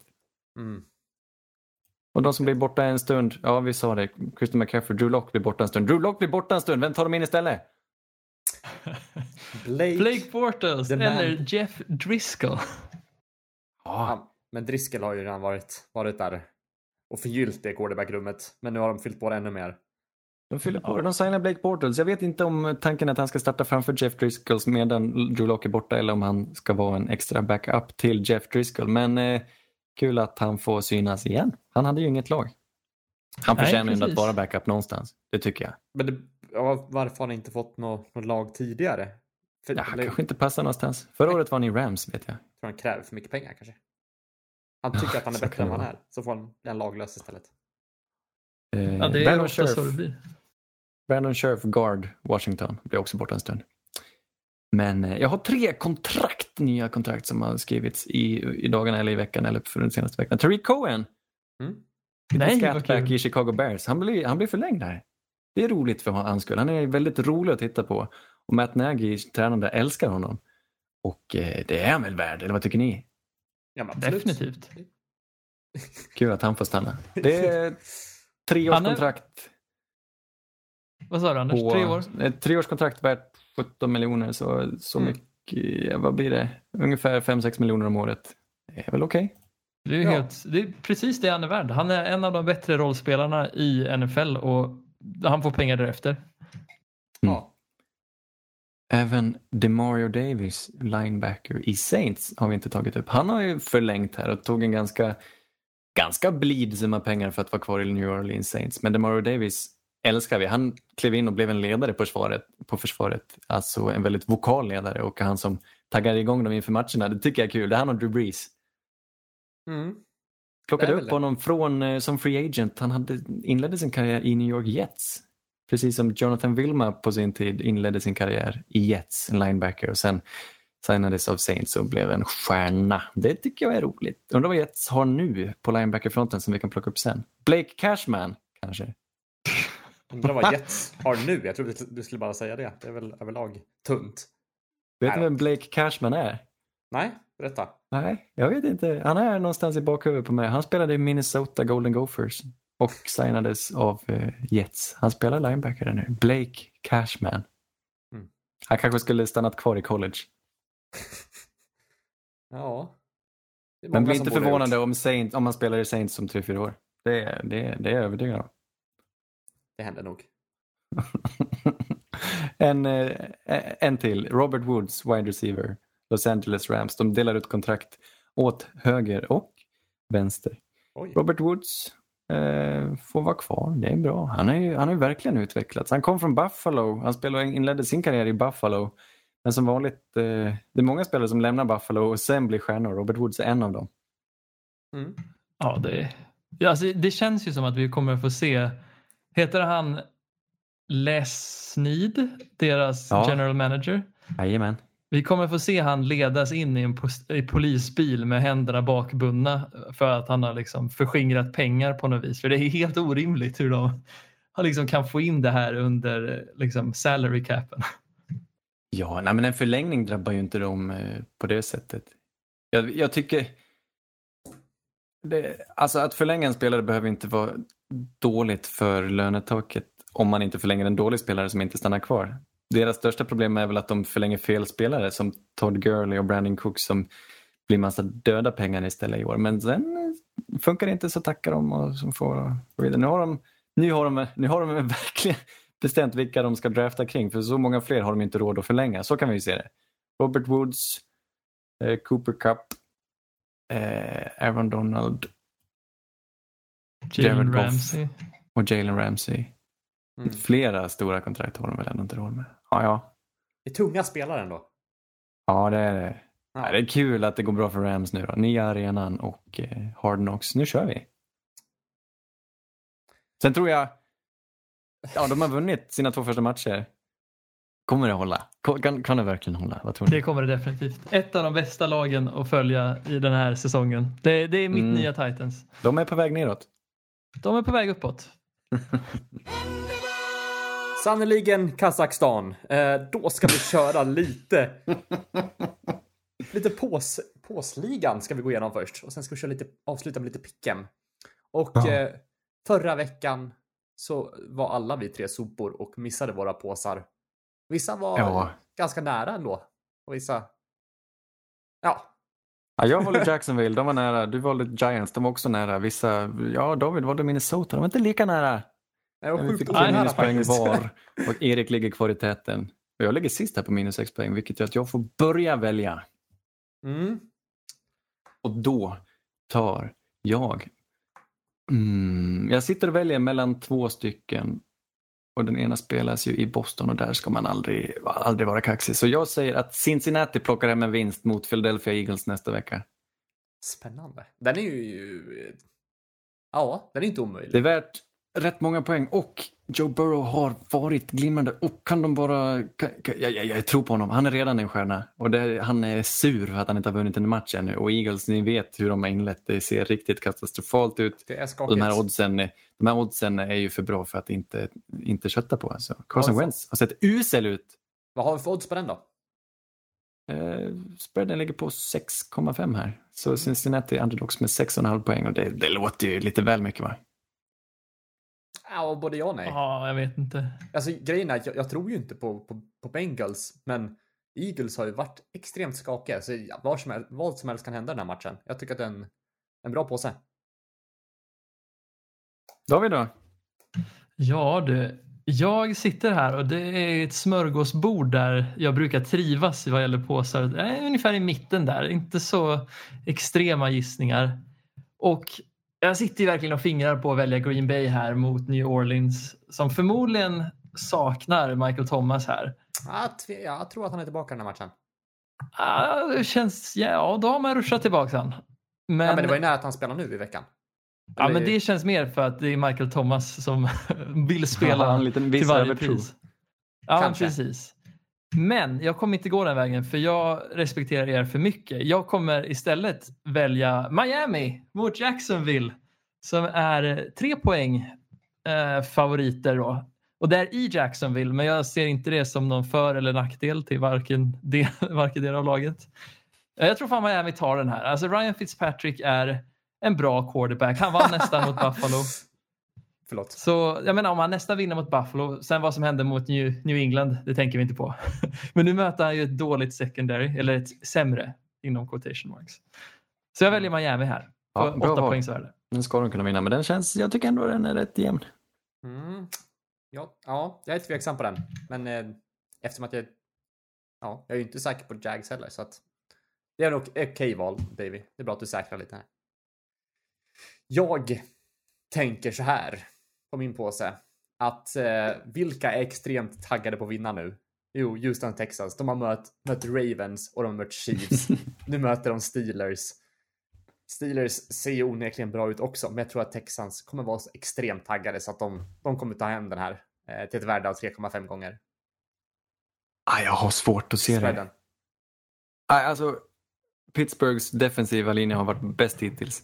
Och Houstons offensiva har varit lite blek. Jag tror Pittsburgh kan... Jag tror Deshaun Watson får det jobbigt, får det tufft ännu en gång. Det kommer han säkert vara, men jag, jag, ja, jag tror mer om, mer om det här laget ändå. Jag tror att de har, de har något. Jag vill Riktigt tro det. tufft schema de har fått. Ja, verkligen. Så det var, det var väl, ja, det, tråkigt för dem att de möter Steelers för tredje veckan. Men det, det var inga andra matcher jag känner. Alltså det finns väl, Washington skulle kunna skrälla mot Browns, men ah, nej, Ja. ah, vi, jag håller på den här, jag tror på den. Davy, vad eh, säger du om den? Ja, jag gillar den. Det, det känns som att det här kan bli en Deshaun Watson-match när han tar över och gör sin magi. Annars så tror jag att det kanske är en hel del skador den här matchen. För jag tycker Pittsburgh, spelar väldigt fysiskt och kanske lite fult stundtals på försvaret. Uh, och ja, jag vet inte. Jag är orolig för den här matchen. Jag kan säga vilka vi borde ha valt förra veckan. Det är ju Falcons Mm. egentligen, som, av de som var underdogs förra veckan som, eh, som faktiskt vann. Annars är oddsen, man ska nog, oddsen är som de är av en anledning, man ska lita på dem. Men Falcons vann väl inte utan de förlorade väl? Nej just det gjorde de ju inte. Förlåt, jag blandade ihop det. Till och med jag. Nej det var inget. Och då till och med du. Eh, yes, vi ska ta och kolla lite vilka vi tror vinner här till veckan. Vi eh, börjar med matchen som spelas på torsdag. Där har vi Miami mot Jacksonville. Vad, vad har vi för känslor kring matchen? Ja, av någon anledning så är de här matcherna lite roliga. Trots att det är två äh, lag som borde hamna i botten. Jag tror det kan bli en kul match igen. Jag tror det kan bli ganska jämn. Jag, har väl, jag tycker det väger över lite på Jacksonville nu då för att de har kanske aningen, ja, nej, egentligen inte. Det, Ja, jag, tycker, jag tror mer på Gardner än på Ryan Fitzpatrick vad gäller att, eh, att inte sjabbla bort och kasta för många interceptions. det är en liten bra Men spaning sidan ändå, Anders. Att det, det är inga, de sämsta lagen, de är inte så tråkiga. Nej, det är rätt kul. Förutom Jets. Förutom Jets. Jets är ju de vi får räkna bort hittills. Men annars tycker jag eh, Giants var lite... De är inte superroliga heller, men Nej, de skulle kunna vara roliga, men nu har de ju ja. tappat lite folk där också. ja. Davy, du tog den här som påse va? Ja, just det. Ja, precis. Jag står fast vid att Miami tar den här enkelt. Och jag går emot dig lite där. Nästa match har vi eh, Titans mot Vikings. Davy? Nej, är det någon fråga? Jag Nej. är team Titans hela Nej, vägen. egentligen som det har sett ut hittills. Titans har sett jättebra ut. Vikings har sett rätt kassa ut. Det var Mm. dumt att tro något annat nu. Verkligen. Nästa match kommer bli väldigt spännande. Det är Raiders mot Patriots. Ja. Nej, alltså här finns en god chans. Jag, jag ska sluta tycka illa om Patriots, men jag tror Las Vegas har en väldigt bra chans att vinna och Patriots, enda anledningen till att de vinner nu är väl för att jag tror att det, deras, då de kommer förlora på till slut, Patriots, är deras offensiva linje någonstans, den är inte... I pass protection, de, det de, de två lagen de har mött hittills har inte haft någon pass rusher att prata om egentligen. Seahawks bästa pass rusher, vem är det? Jamal Adams. Ah, jag vet Jake inte. Och Miami har inte så mycket att sätta tryck på heller. Men någon gång ska det in, sluta illa. Men Vegas är inte laget som kanske kan bemästra dem på det sättet heller. Jag tror Cam Newton kan få det ganska trevligt och det kan bli rätt många poäng men jag tror Patriots vinner. Mm, Jag tror också att det blir, det blir en kul match. Och båda lagen eh, lämnar verkligen styrkebesked den här veckan. Patriots spelar så pass bra mot Seahawks och Vegas slog ju som sagt, som sagt Saints. Eh, och jag tycker att det är en 50-50 match, men jag måste nog säga Patriots ändå eftersom att de spelar så pass jämnt och var nära på att vinna mot Seahawks som jag håller väldigt högt. Ja. Precis, och det är också i det beryktade New England. Och fan om inte New England har ett lag som är, är så konstruerat för att förstöra linebackers. Och Las Vegas har inga linebackers i nuläget, utan de har skyltdockor. Så Patriots tar den här. Nästa match har vi Bears mot Falcons. Någon som tror på Bears? Nej, Nej. Falcons vinner den där. Lätt. Nästa Ja, match. de. Vad är din påse där, Anders? Eh, Yes. Då har vi alltså, det var Bengals mot Eagles. Vad tror du om den, Davy? Har Bengals en chans? Det har de definitivt. Uh, Eagles har ju en fallenhet för att schabbla bort matcher i slutet på matchen. Eh, ja, jag tycker ändå att Eagles lag ser bättre ut på pappret. Mm. Cincinnati gjorde en jävla kraftansamling mot Cleveland i torsdags. Så ja, varför inte? Men fan om inte jag... Jag kommer stå kvar på det här skeppet och jag kommer ju sjunka med det som den kapten jag är för Philadelphias hypeboat och just Carson Wentz. Jag tror också att det finns för mycket bra i Philadelphia för att de ska kunna förlora mot ett, jag vet inte, ett skakigt Bengals som kommer kanske få några vinster, men det blir inte många i år. Nästa match har vi 49ers mot Giants. Har Giants en chans? Tveksamt, extra tveksamt nu utan Saquon. Fan vad Niners Åh, skrattar sig Två lyckliga år. drabbade lag här. Mm. Men vad, sant, vad har. Niners gjort för att möta två riktiga bottlag två veckor i rad när de tappar, liksom har så många skador? På MetLife också. Ja Är det just samma stadion där de tappade, där de tappade allt? Oj, oj, oj. De, är det är rädda. ju- de, är, de stannar kvar antar jag. De kan inte åka tillbaka till västkusten. Och så måste de gå in i den här hemska stadion igen. Och ja, ja, jag tror väl att det ska greja sig ändå. De har en väldigt bred trupp. Och Giants är ju bottenlaget just nu tillsammans med ett. Så nej, Mm. San Francisco. Yes, nästa match har vi då Texans mot Steelers där jag påsade. Och båda ni två tror på Steelers, uppfattar jag det som. Ja, Definitivt. de är Definitivt. ruggiga i år. Jag älskar Pittsburgh i år. Ja, ja men de, De står och faller lite med Big Ben då såklart, men eh, annars är det en Ja, men det var kul, kul bättre än vad de hade förra året. Ja, med, precis. med hästlängder. Jag Eh, hatar Pittsburghs försvar ska sägas, men ja, jag- laget kan gå Jag långt. älskar dem. Eh, Washington football team mot Browns. Eh, Browns antar jag plockar hem den här relativt komfortabelt. Alltså, Washington kommer absolut bjuda upp till en dans, men det är väl... De kan väl inte sätta emot så mycket. Det är aldrig, någonstans aldrig komfortabelt med Cleveland. Och de Nej, har, det är ju misär. Men det ska inte kunna vara misär med all den här talangen. Därför tycker jag man bör hålla på dem, i alla fall mot Washington. Och det, jag hoppas Baker, alltså Baker gjorde en kanonmatch. Både Baker och Joe Borg. Det var en så rolig torsdagsmatch. Jag, jag tror verkligen att han kan göra samma sak. Washingtons bleka ut bak till. Ett rådjur. ja, exakt. Fan, jag vill ändå hävda att alltså Baker, även om det såg bra ut så var det ju inte speciellt avancerade uppgifter han fick. Mycket var på just first read och när det väl kom till crunch time tyckte jag man märkte i Stefanskis play calling vem han ansåg vara liksom det bärande delen på anfallet. När sista driven de gjorde så fick inte Baker kasta en enda gång utan allt gick till Chubb och Hunt som gjorde stora, stora gains. Och frågan är eh, om inte Stefanski bara nöjer sig med att ja, men vi är ett lag som kommer köra 30-40 carries per match och så får Baker göra extremt begränsade grejer. Visste ni att man behöver inte gå till en salong för att bleka Hannes? är det så? Man kan göra det Kan man hemma. göra det hemma alltså? Man kan göra analblekning hemma. Det är lättare än du tror. Hur, eh, berätta, varför har du koll på det här? Ja, du, måste, det finns, du kan köpa analblekningskräm då, som är speciellt anpassad. Ja, men det förstår jag ju. Att det kanske är dumt att ta... Vad har man annars? Vad bleker man med? Jag undrar om du, ska du ha någon lampa du lyser med också? Det här? Nej, ingen aning. Jag hittade en Shai to buy. Är det klor man bleker med annars? Alltså så här... Kan man bara så här sitta ner i... Kl- kloriga kalsonger på sig? Har man en, liksom en klorstav man stoppar upp där? Kan du doppa lite bomull i klorin bara? Ah, fy fan, det måste svida. Aj, aj, aj. Ja. Ja. Men ja, jag tror att Browns vinner ändå även om jag tror att Baker gör en svidande insats. yes. Rams möter Buffalo Bills. Och det här blir en rolig match. Anders, du får nästan ta stafettpinnen. Vad, vad tror du? Eh, ja, det ska bli svinkul att se. Mm. Jag tror ju som alltid att Rams överpresterar och Buffalo Bills är i frågan. De ska vi ju heller inte dra växlar Boys. på. Buffalo Boys, de borde ju byta namn. Eh, de har faktiskt mött Jets och Dolphins. Men å andra sidan är de så breda just nu och det är så kul att se. Deras problem, de saknade bägge sina starting linebackers i förra matchen. De saknade både Tremaine Edmonds och Matt Milano. Och det här är ju, det är en del av planen som LA, LA Rams borde kunna straffa dem på. Så därför kanske, kanske det kan bli mer jämnt. Ja, ja, ja, ja, en riktigt bra match. Tyler Higby är svinduktig nu, tight end där.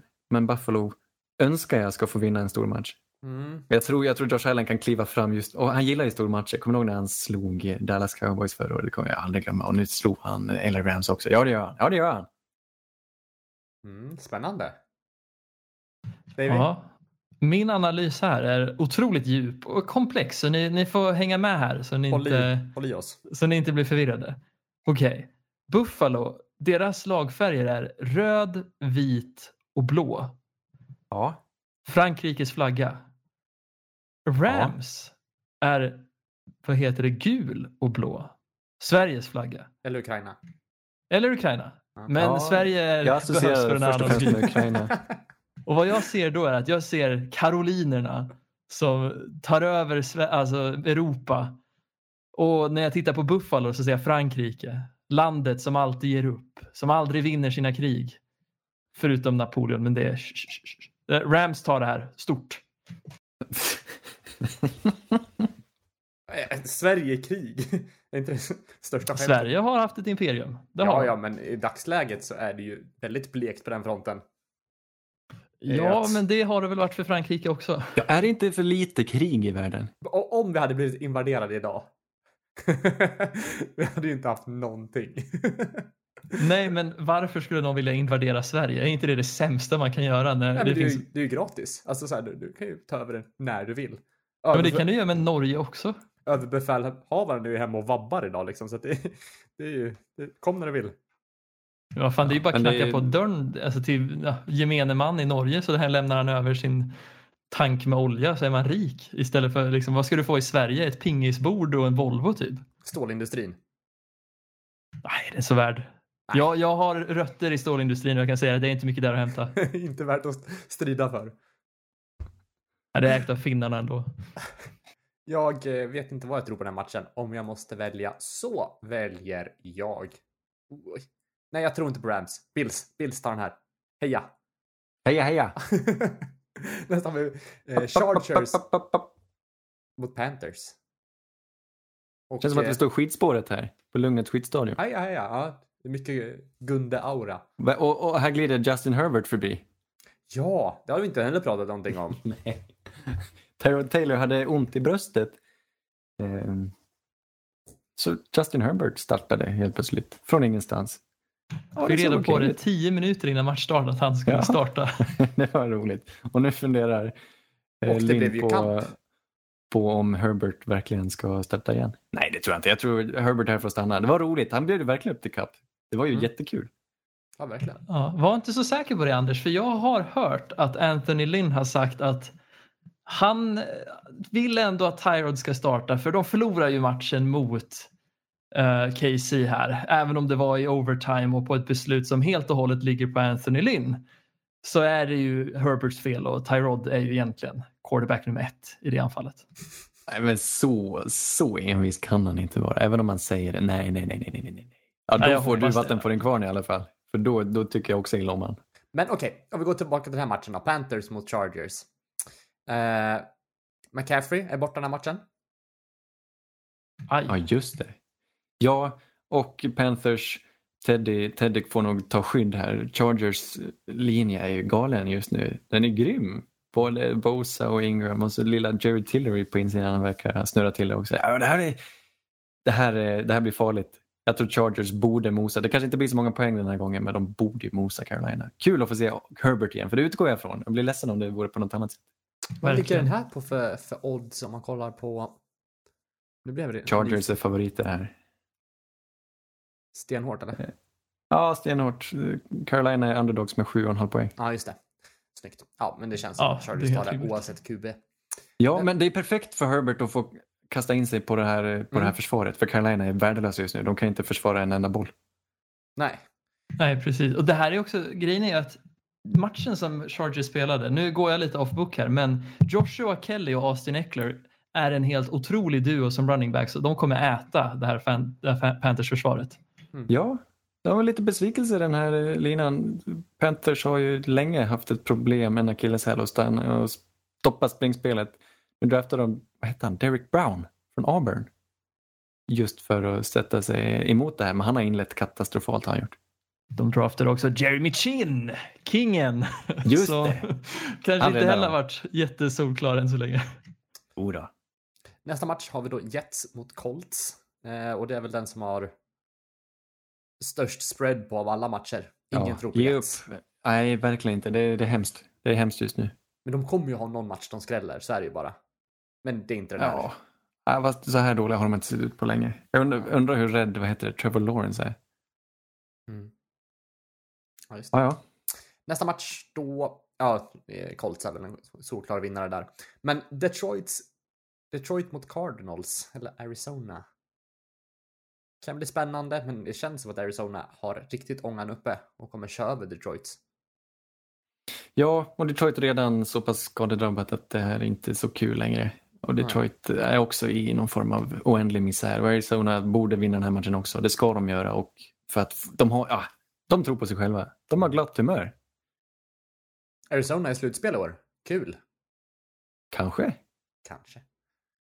David, du har ingenting att tillägga om den matchen? Nej, Arizona, det är Mm. inte en tvekan. Cowboys mot Seahawks. Bra match. Mm, sjukt bra match. Vad är det för matcher? Mm. Men det är många roliga lag i år, kan det vara det? Att man blir taggad på de flesta. Ja, men det är nog det. Och Dallas på stormatch på stormatch. Först var Rams, sen Falcons, nu Seattle också. Det är... Det, det, de är ute efter revansch. Jag, tror det, jag kommer alltid tro på Seattle, men det här, det här Dallas, eller Dak är hungrig här. Dak och Zeke. Oj, oj, oj. Oj, oj, oj, vilken bra match det här kommer bli. Mm. Ja, jag är med dig också. Jag kommer också alltid tro på Seahawks. Men Dallas är Nej. inte så dåliga som de ser ut. Nej, nej, så är det ju. Men Det Seahawks. beror på vilket Dallas du får. Ja. Oj, Nej. vad mycket poäng det kommer bli. Nej, men Dallas, jag tror framförallt att Russell Wilson kan göra lite som han vill här. Ja, ja det Eh, kommer och de kommer ha svårt att stoppa honom. De är inte laget att stoppa honom. Nej. Nej, deras corners är Terry Bad och det är därför Seattle vinner. Yes. Nästa har vi eh, Buccaneers mot Broncos. Davy, har ni någon chans att slå? Det hade varit kul. Tampa Det hade varit en jävligt rolig match om Lock hade spelat och vi hade haft lite ånga uppe. Jag menar, Broncos har ju ändå varit nära de två matcherna som de har spelat. Mm. Och mot Tennessee och Pittsburgh som jag ändå anser som ganska bra lag i, i ligan. Men ja, som det ser ut nu, jag har inte jättemycket hopp. Vi vet inte ens om vi kommer få Judy till nästa match och då har vi inget anfall. Så Tampa Bay. Jag håller med. Ja, med. Nästa match också en riktig nagelbitare. Eh, Green Bay Packers mot New Orleans Saints. Anders? Mm. Tänk ja, vilka, vilka matcher. Sunday night, Packers Saints och sen Monday night med Chiefs och Ravens. Ja, stor match. Jag tror eh, på dunderinsatser. Jag tror Packers, vi får leta akilleshäl. Nu gäller det som ni säger, mata springspel, mata Kamara, mata Murray och försök tugga ner Green Bay. För jag tror att de har inte riktigt hittat, hittat eh, tacklingskapaciteten här. Och jag hoppas, gör lite poäng tidigt, försök stänga, försök tugga klocka och låt inte Aaron Rodgers få leka. För Rodgers har haft lekstuga, Aaron Rodgers Mhm. ser sjukt duktig ut just nu. Det blir läskigt. Det blir extremt läskigt att se han handkasta till sina receivers och ja, jag, jag är rädd att vi att de kommer göra mer poäng än oss. Att det är det vi förlorar på. Det kommer Mm. bli en, Nej, det en gäller att... eh, race to the goal line på något sätt. ja, ja, jag tror också det. Men å andra sidan, försök hålla i bollen. Ska sägas att Devontae Adams kanske inte spelar den här matchen. Han hade inte jättestor impact nu heller. Den här Ja, men det var för att han skadade sig tidigt, va? Var? Precis, Ja, var det precis. så? Ja, ja. Eh, vad tror du då, Davy, om matchen? Det är omöjligt att säga. Jag är väldigt skeptisk till att se antingen Devontae Adams eller Mike Thomas. Jag skulle till och med sticka ut tungan och säga, eller sticka ut hakan. Vad, vad säger man? Eller sticka ut hakan? Hakan. Jag skulle Stick ut till och med ja, jag sticker ut, Välj Ja, valfri kroppsdel. sticker ut magen här och säger att det är ett dåligt coachingbeslut att låta någon av dem spela den här veckan. Oavsett vad de själva säger.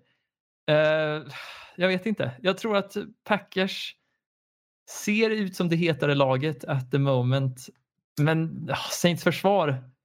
Jag menar om de inte har Adam så tror jag att de måste ha en mo- monstermatch från Aaron Jones så det kommer de inte få mot Saints.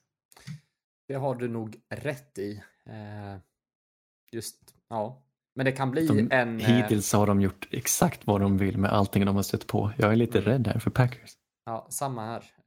Och vi, Saints, vad hade vi för statistik med det här 100 yard? Att ingen har sprungit 100 yards mot oss, eller över 100 yards på väldigt Ja, många det. matcher. Det är ju spännande. Jag tror på mer än 40 matcher så har vi inte släppt, låtit en någon springa för 100 yards. Det kan nog ändras den här matchen, ska jag säga. Ah, Jag är tveksam. nej, det tror jag inte. Ja, vi får se. Jag... Eh, tyvärr så tror jag nog på Packers den här matchen. Ja, jag, jag, jag håller med dig. Det är helt öppet. Det kan, de kan till och med få vara favoriter. Efter det vi såg i natt. Mm. Sista matchen, Monday Night, har vi då Chiefs mot Ravens. Toppen. Ja, det är nu det händer. Oj, oj, oj. Det här är ju Super Bowl tänkte jag säga, men Conference Det här är Final. varför vi följer sporten. Ja. Förhoppningsvis bjuder de på en fantastisk match. Det är ju synd Ja. att den är den här tiden för oss som bor i Sverige dock. Ja, så är det. Men Eh, förståeligt. Ja, verkligen. Men eh, jag kanske ska börja säga vad jag tycker då. Jag, eh, som jag ställde en, öppen, eller en fråga till, till David tidigare där. Vad är receptet mot Baltimore? Och ja, jag vet inte. De vinner. De vinner den här matchen. Baltimore. Ja, Ja. Ah, ja, de, de ser ostoppbara ut. Eh, ska man gå på förra veckan så är det ju Baltimore som får vara favorit. Men jag, tycker, jag tror inte Mahomes kommer låta det se ut som det gjorde förra veckan. Nej, det var just det. Det var Eh, lite... det, kom, det blir ju hårt. Kan, kan de... Frågan är om de... Mm, nej, jag, nej det, det blir... Ja, hallå? Nej, alltså jag... Vem, vem där? Nej, jag kan inte. David? Ja, jag försöker hitta någon sorts edge här men det känns som att de balanserar varandra jävligt bra. Jag skulle ändå vilja hävda att Kansas, det kommer inte se ut som förra veckan för de möter ett sämre försvar. Men vad fan, Baltimore ha- har Chiefs liksom med Frank Clark, Chris Jones och Tyrann Matthew till viss del förmågan att sätta press på Jackson. Jag vet inte, jag tror inte det. Nej. Jag vill också se Baltimore vinna den här matchen. Jag tror Ravens är det aningen starkare laget. Och Lamar Jackson är svårstoppad. Mm. Någonstans så vinner de den här. Jag går emot, men det är bara för att jag är så såld på att Patrick Mahomes är den nästa stora quarterbacken och kommer Ja. vara överlägset den som vi minns från den här eran. Så Det jag väljer. Kansas. Jag hoppas det. Eh, Men det var lite som sagt lite skakigt i senaste matchen där. Så att, eh, mm. De lär step, steppa upp sitt game om de ska kunna sätta emot någonting här. Det här är är också en, eh, sorry, men jag måste ändå nämna att det här är också en matchup mellan de två bästa kickersen i NFL. Harrison Butker och Justin Tucker. Det vore ju otroligt mysigt om det här slutade på ett field goal. Ja, han Harrison Butker. Satte han tre 50 plus sparkar i rad? Jag tror I det. Han avgjorde Chargers. i alla fall. Han Ja, avgjorde han matchen avgjorde, på en men det 50 var inte, plus. liksom inte första. Jag tror han satte två dessförinnan också. Det är helt orimligt. Mm. Men hörni, det var väl allt va? Det var det, ja. Ja, Vilka matcher tar vi nästa vecka förresten? ja det kan vi ju snudda vid. Ni som håller på se. Steelers eller Texans. Spetsa öronen nästa vecka. Ni som håller på Eagles eller Bengals. Spetsa öronen. Broncos. Nej, Bills. många som håller på Bengals tror jag. Det är vår största publik ändå. Tror du det? Ja, svenska Dave har Bengals-fans, ju- de ska man inte underskatta. Dave har ju spanat lite vad vi har som, som mest lyssnare någonstans. Ja, vi har en lyssnare i franska Guinea och jag är väldigt nyfiken på vem du är. Om vi måste översätta det här till spanska så kommer vi göra det i nästa avsnitt bara för att ta reda på vem exakt du är. Franska Guyana. Guinea. Är det Guinea? Guyana. Är det inte Guyana? Det är Guyana. Ja, Så du jag sa Guinea? Aj, bakläxa. Ja, inte skämmes undra på jag. att han inte hittar oss när jag säger fel land. är helt otroligt. ja, geografi hörni.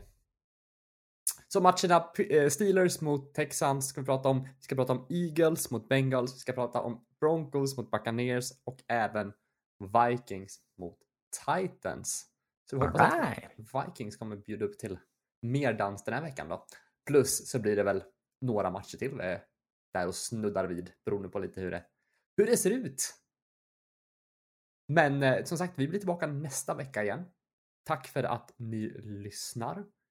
Eh, ja, vi finns där poddar finns. Puss och kram. Hej!